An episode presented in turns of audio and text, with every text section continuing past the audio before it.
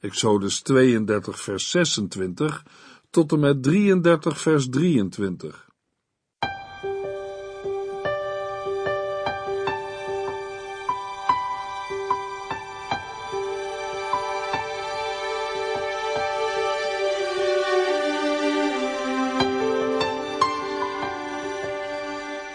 Hartelijk welkom bij De Bijbel Door, een programma van Transworld Radio. De Bijbel Door is een radioserie die u in vijf jaar meeneemt door de hele Bijbel. Van Genesis 1 tot Openbaring 22.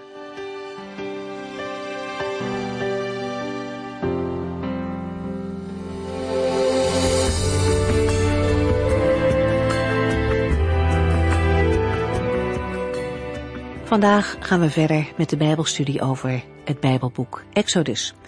We waren gebleven bij de hoofdstukken 31 en 32.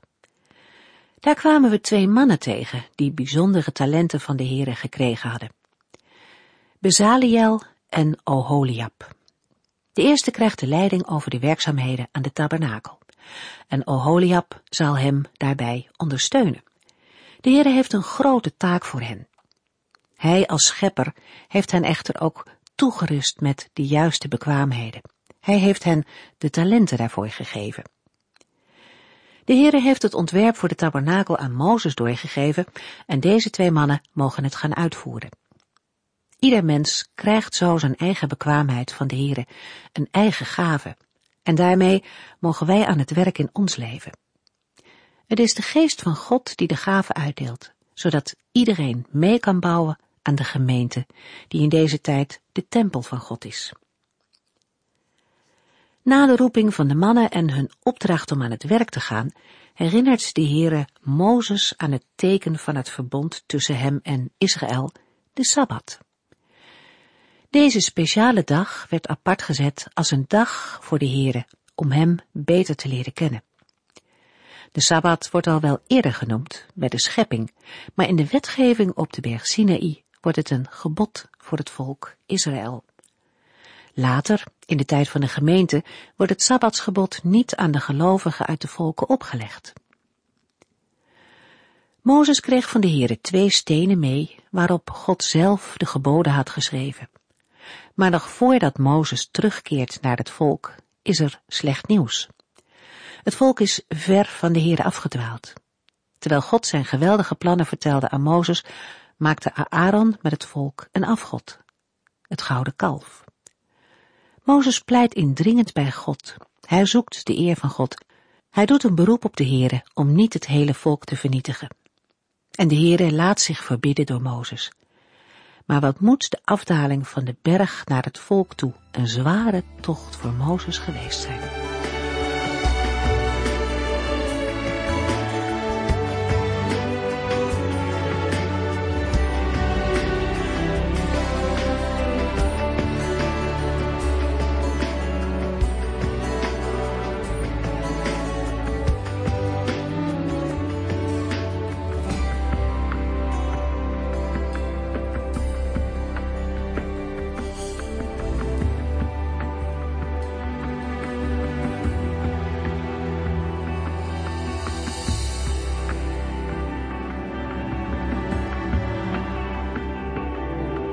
In de voorgaande uitzendingen zagen we dat de tabernakel de plaats is die door de Heere verkozen is om te midden van de Israëlieten te wonen.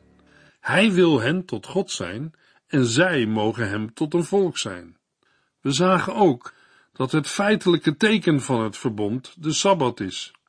Daarom zijn het houden van de Sabbat en de bouw van de tabernakel twee kanten van dezelfde werkelijkheid. Door allerlei omstandigheden zijn in de eerste eeuwen van de christelijke jaartelling de Sabbat, de zevende dag, en de zondag, de eerste dag van de week en de opstandingsdag van Christus, uit elkaar gegroeid. Terwijl de Joodse christenen in het Nieuwe Testament de Sabbat nooit hebben opgelegd als rustdag. Beide dagen vulden elkaar aan. Als het verblijf van Mozes op de berg tot een einde is gekomen, een periode van veertig dagen en nachten, Exodus 24 vers 18, waarin Mozes de voorschriften over de tabernakel kreeg, volgt de zonde met het gouden kalf. Op het moment dat het heiligdom nog gemaakt moet worden, maar de grondwet van Israël al door de Heer aan Mozes is gegeven. Als Mozes de berg afdaalt, weet hij dat het volk zichzelf in het verderf heeft gestort. Nadat hij woedend de twee stenen platen op de grond had gesmeten en Aaron ter verantwoording had geroepen, gaat hij bij de ingang van het kamp staan en roept, laten zij die voor de heren zijn bij mij komen. Toen kwamen alle levieten bij hem staan. Hij zei tegen hen, de Heere, de God van Israël, zegt, ga het kamp door en dood jullie broers, vrienden en buren. Exodus 32, vers 26 en 27. Verschrikkelijk dat dit moet gebeuren. Wat een verwoesting richt de zonde aan tussen broers, vrienden en buren.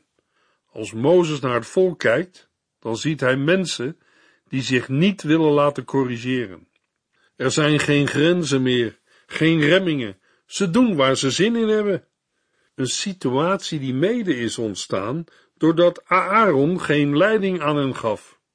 Het is voor iedereen een gevaarlijk moment. Het volk is nu een gemakkelijke prooi voor vijanden geworden. Mozes moet nu rigoureus ingrijpen. Hij gaat bij de ingang van het legerkamp staan en roept de Israëlieten op om een keuze te maken. Zij dienen zich radicaal toe te wijden aan de Heere. Vandaag zouden wij zeggen, ze moeten zich bekeren. Dat betekent dat zij breken met afgoderij en losbandigheid en zich achter Mozes scharen. De spanning stijgt. Dan volgt er een dramatische situatie. Alleen de Levieten geven gehoor aan de oproep van Mozes. In het verleden waren de Levieten in hun stamvader Levi door Jacob veroordeeld vanwege hun onbezonnen gedrag. Genesis 49. Het gevolg van hun gedrag toen was dat ze geen eigen stamgebied in Israël zullen bezitten. Ten gevolge van hun keuze nu, voor de Heere en Mozes, worden zij later uitverkoren om dienst te doen in het heiligdom, nummer 1 en 8. Toen kwamen alle levieten bij hem staan. Daarna spreekt Mozes als een profeet die het oordeel aankondigt. De Heere, de God van Israël, zegt, ga het kamp door en dood jullie broers, vrienden en buren. Verschrikkelijk als een dienstknecht van de Heere zo'n opdracht moet geven. Zo zegt de Heere, doe je zwaard om en dood iedereen die niet voor de Heere kiest. De levieten mogen niemand sparen, zelfs geen vriend, broeder of naaste verwant. Dit betekent ook dat rebellerende levieten moeten worden gedood. Luisteraar, ik kan mij voorstellen dat het bevel van de Heere aan Mozes en zijn opdracht aan de levieten veel vragen oproept. Immers, deze opdracht lijkt haaks te staan op de oproep tot het liefhebben van de naaste. Maar we moeten beseffen dat Israël zich op een zeer cruciaal punt bevindt in de heilsgeschiedenis, de sluiting van het verbond. Door het aanbidden van het gouden kalf is het verbond verbroken. Om het verbroken verbond te redden, moet er een radicale zuivering van de verbondsgemeenschap plaatsvinden. Is het verbond nog te redden? Uiteindelijk gaat het om de redding van de hele wereld. Omdat het volk moedwillig het verbond met de Heer heeft verbroken, door zich niet te houden aan hun afspraak en belofte, en het volk riep eenstemmig aan alles wat de Heer heeft gezegd, zullen wij gehoorzamen. Wij zullen ons aan al deze wetten houden. Exodus 24, vers 3 en 7. Daarom moet er zuiverend worden opgetreden. In het Oude Testament stond op de aanbidding van het kalf de doodstraf. In het Nieuwe Testament gelden de regels voor de tucht in de gemeente of de kerk. Het woord tucht wordt vaak opgevat als straf of verwerping, maar tucht heeft tot doel om de overtreder tot inkeer te brengen, tot beleidenis van schuld en uiteindelijk tot terugkeer naar de gemeenschap met God en zijn gemeente. Daarom moet een gelovige terughoudend zijn met het gebruik van harde maatregelen. Gods liefde en barmhartigheid vormen de kern van het verbond dat de Heere met zijn volk sluit. Gods hoogste doel is dat Zijn liefde in deze wereld zichtbaar wordt. Dit betekent bijvoorbeeld dat een disciplinaire maatregel tot doel moet hebben de zondaar terug te brengen van zijn dwaalweg en nooit gericht mag zijn op diens definitieve verwerping. De levieten doen zoals Mozes heeft opgedragen en zij doden op die dag ongeveer 3000 man. Vers 28. Daarna richt Mozes opnieuw het woord tot hen. Exodus 32 vers 29. Vandaag zijn jullie aan de Heere gewijd, want jullie hebben hem gehoorzaamd. Ook al betekende dat het doden van jullie broers, vrienden en buren. De Heere zal jullie rijk zegenen. De Heere had opdracht gegeven het kwaadaardige gezwel binnen zijn volk weg te snijden. Had hij dat niet gedaan, dan waren er overal uitzaaiingen gekomen met uiteindelijk de ondergang van zijn volk. De Heer heeft in genade gedacht aan de mannen, vrouwen en kinderen in het kamp die niet schuldig waren aan afgoderij. Als de mannen die het gouden kalf hadden aanbeden waren blijven leven, zou het volk nooit het beloofde land zijn binnengegaan. Exodus 32, vers 30. De volgende dag sprak Mozes het volk toe en zei: Jullie hebben een grote zonde begaan, maar ik zal de berg weer beklimmen om de Heere te vragen of hij jullie wil vergeven.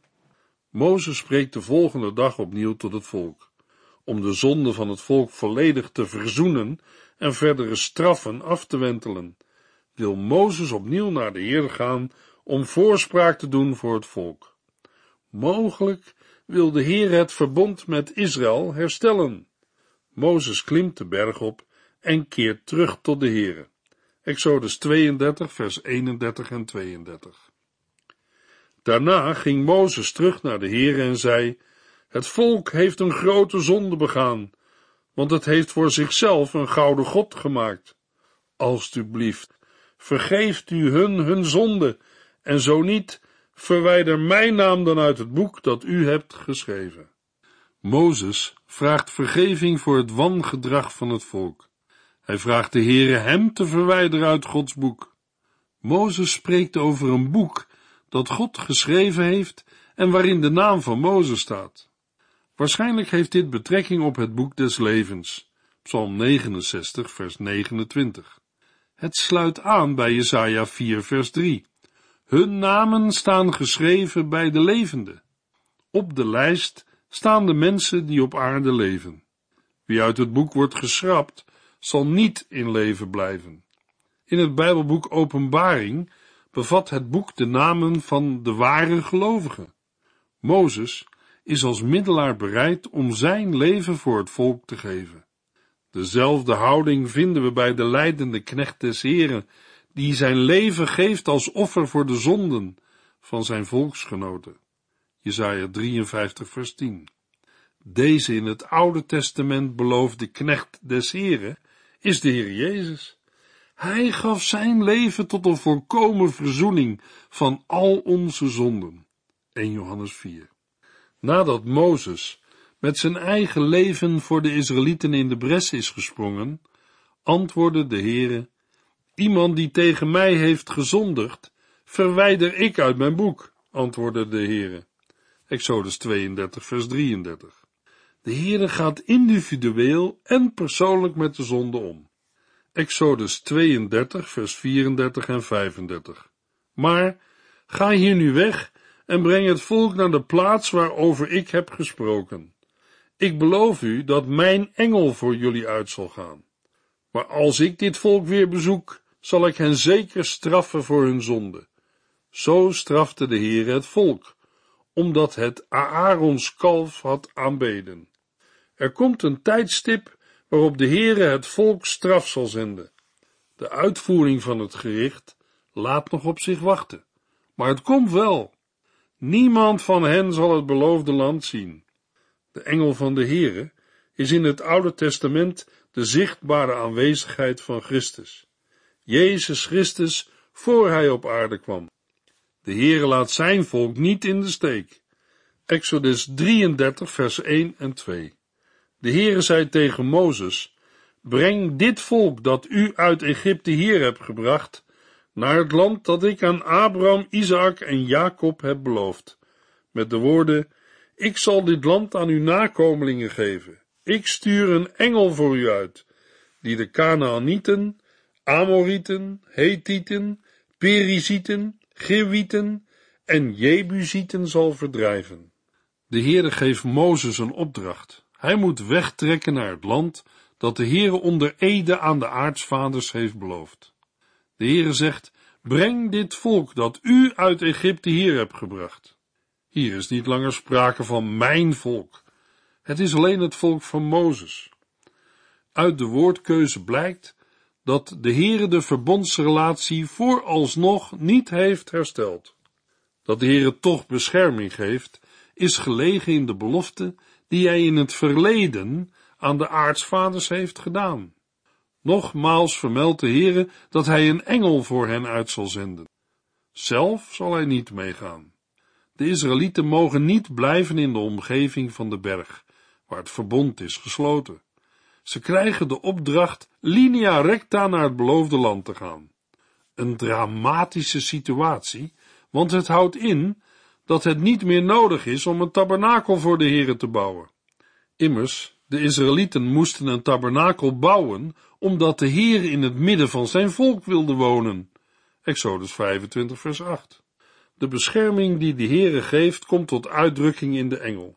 Hij zal ervoor zorgen dat alle vijandelijke volkeren zullen worden verdreven uit het land dat vloeit van melk en honing.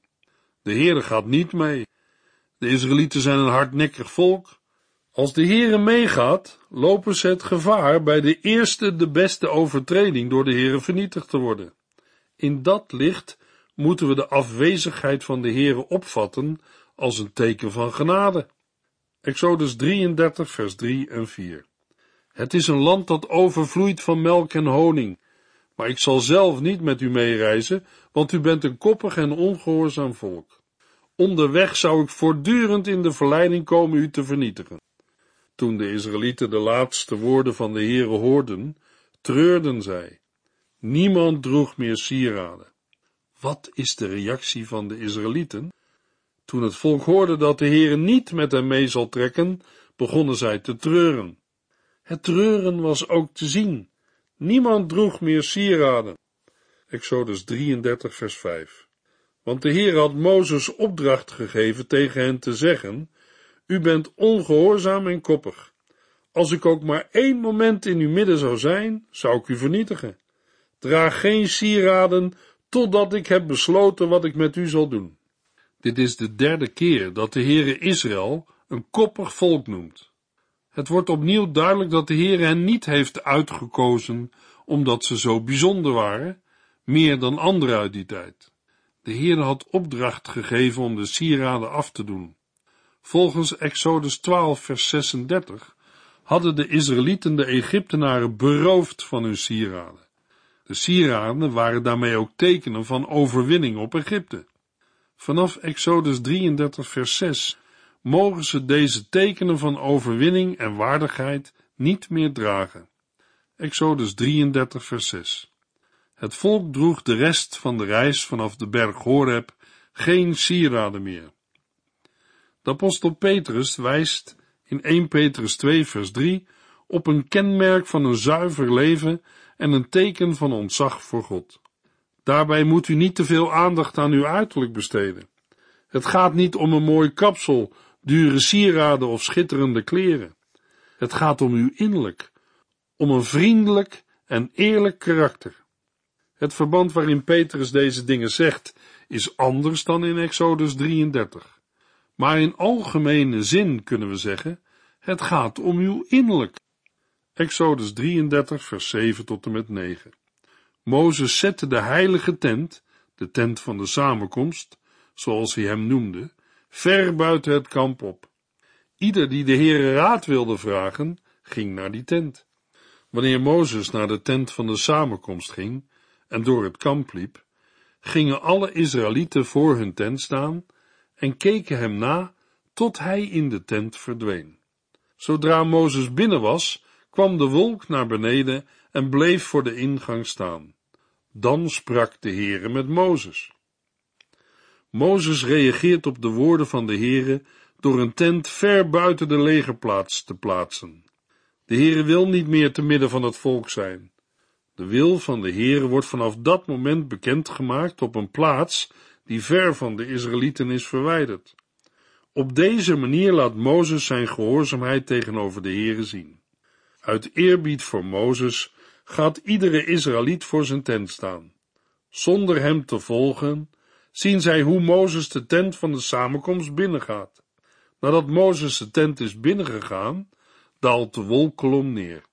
Exodus 33, vers 10 en 11. Als het volk de wolk bij de ingang van de tent zag staan, knielde iedereen neer, ieder bij zijn eigen tent. In de tent sprak de Heere heel vertrouwelijk met Mozes, zoals vrienden dat doen. Na het gesprek keerde Mozes altijd terug naar het kamp, maar de jonge man die hem assisteerde, Jozua, de zoon van Nun, bleef in de tent achter. Hoewel hier grote afstand bestaat tussen de Heer en het volk, zien ze toch hoe hun leider met de Heer spreekt, zoals vrienden dat doen. Daarmee wordt het vertrouwelijke karakter van de ontmoeting tussen de Heer en Mozes aangeduid. Als Mozes teruggaat naar het legerkamp, laat hij de tent van de samenkomst niet onbewaakt achter in de woestijn. Jozua, de zoon van Nun, bleef in de tent achter. Exodus 33, vers 12 tot en met 15. Toen zei Mozes tegen de Heere, U hebt tegen mij gezegd, breng deze mensen naar het beloofde land. Maar u hebt niet gezegd wie u met mij mee wilt laten gaan. U hebt mij verteld dat ik uw vriend ben en dat ik genade heb gevonden in uw ogen. Heere, als ik dan genade heb gevonden in uw ogen, laat mij dan duidelijk zien welke weg u met dit volk wilt gaan, zodat ik u beter leer kennen en begrijpen. Denk er toch aan dat dit volk uw volk is. En de Heere antwoordde, voelt u zich dan pas gerust als ik zelf meega?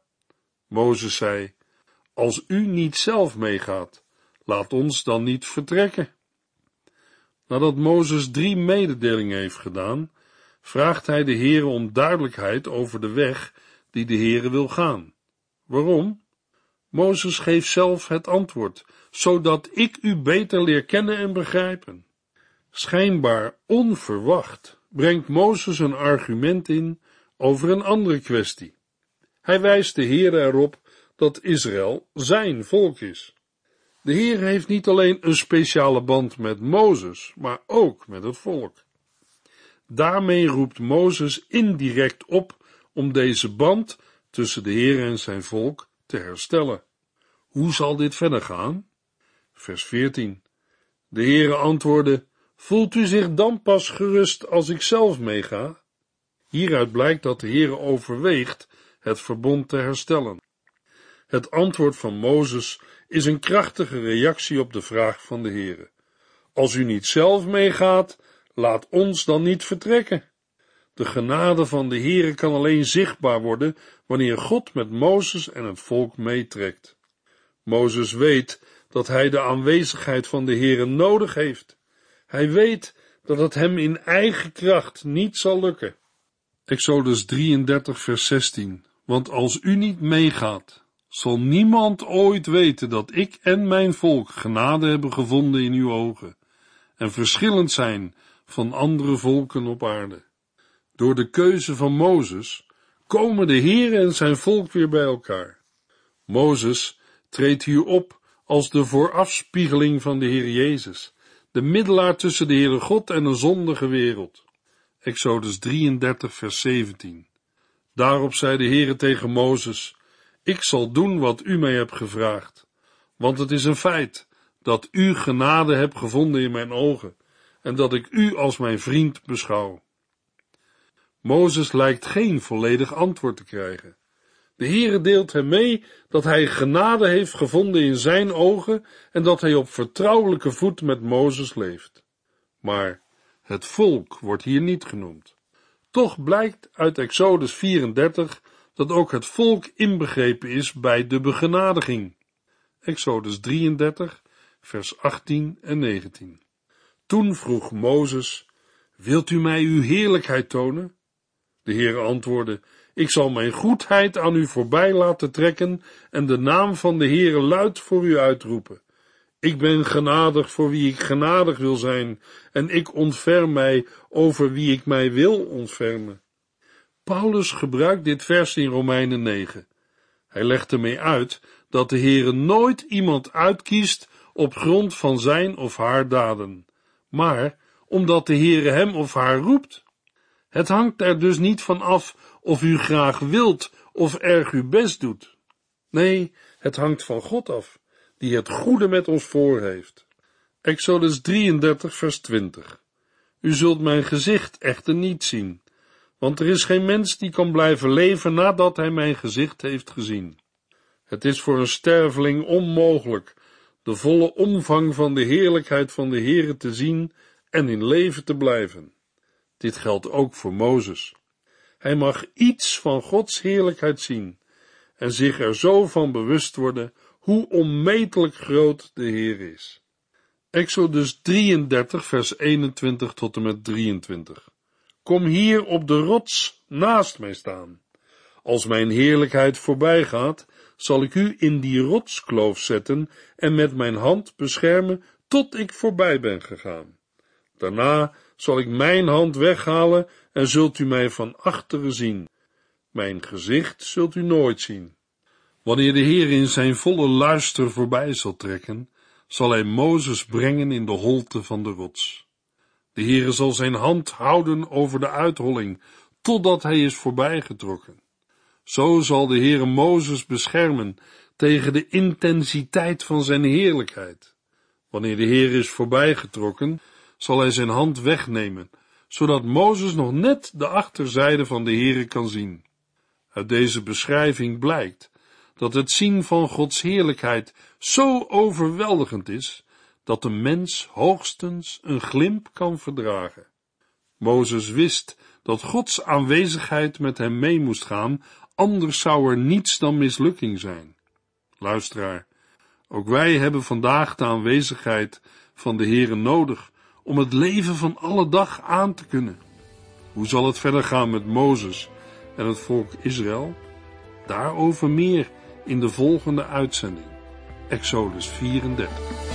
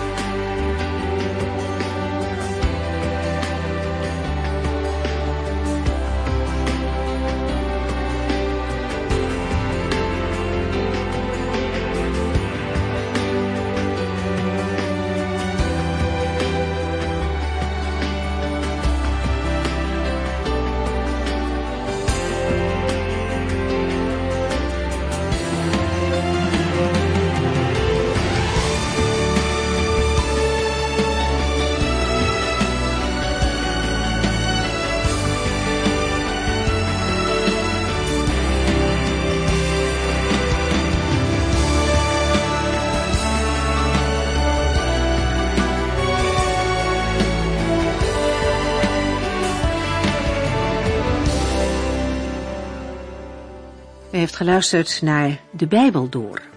In het Nederlands vertaald en bewerkt door Transworld Radio. Een programma waarin we in vijf jaar tijd de hele Bijbel doorgaan.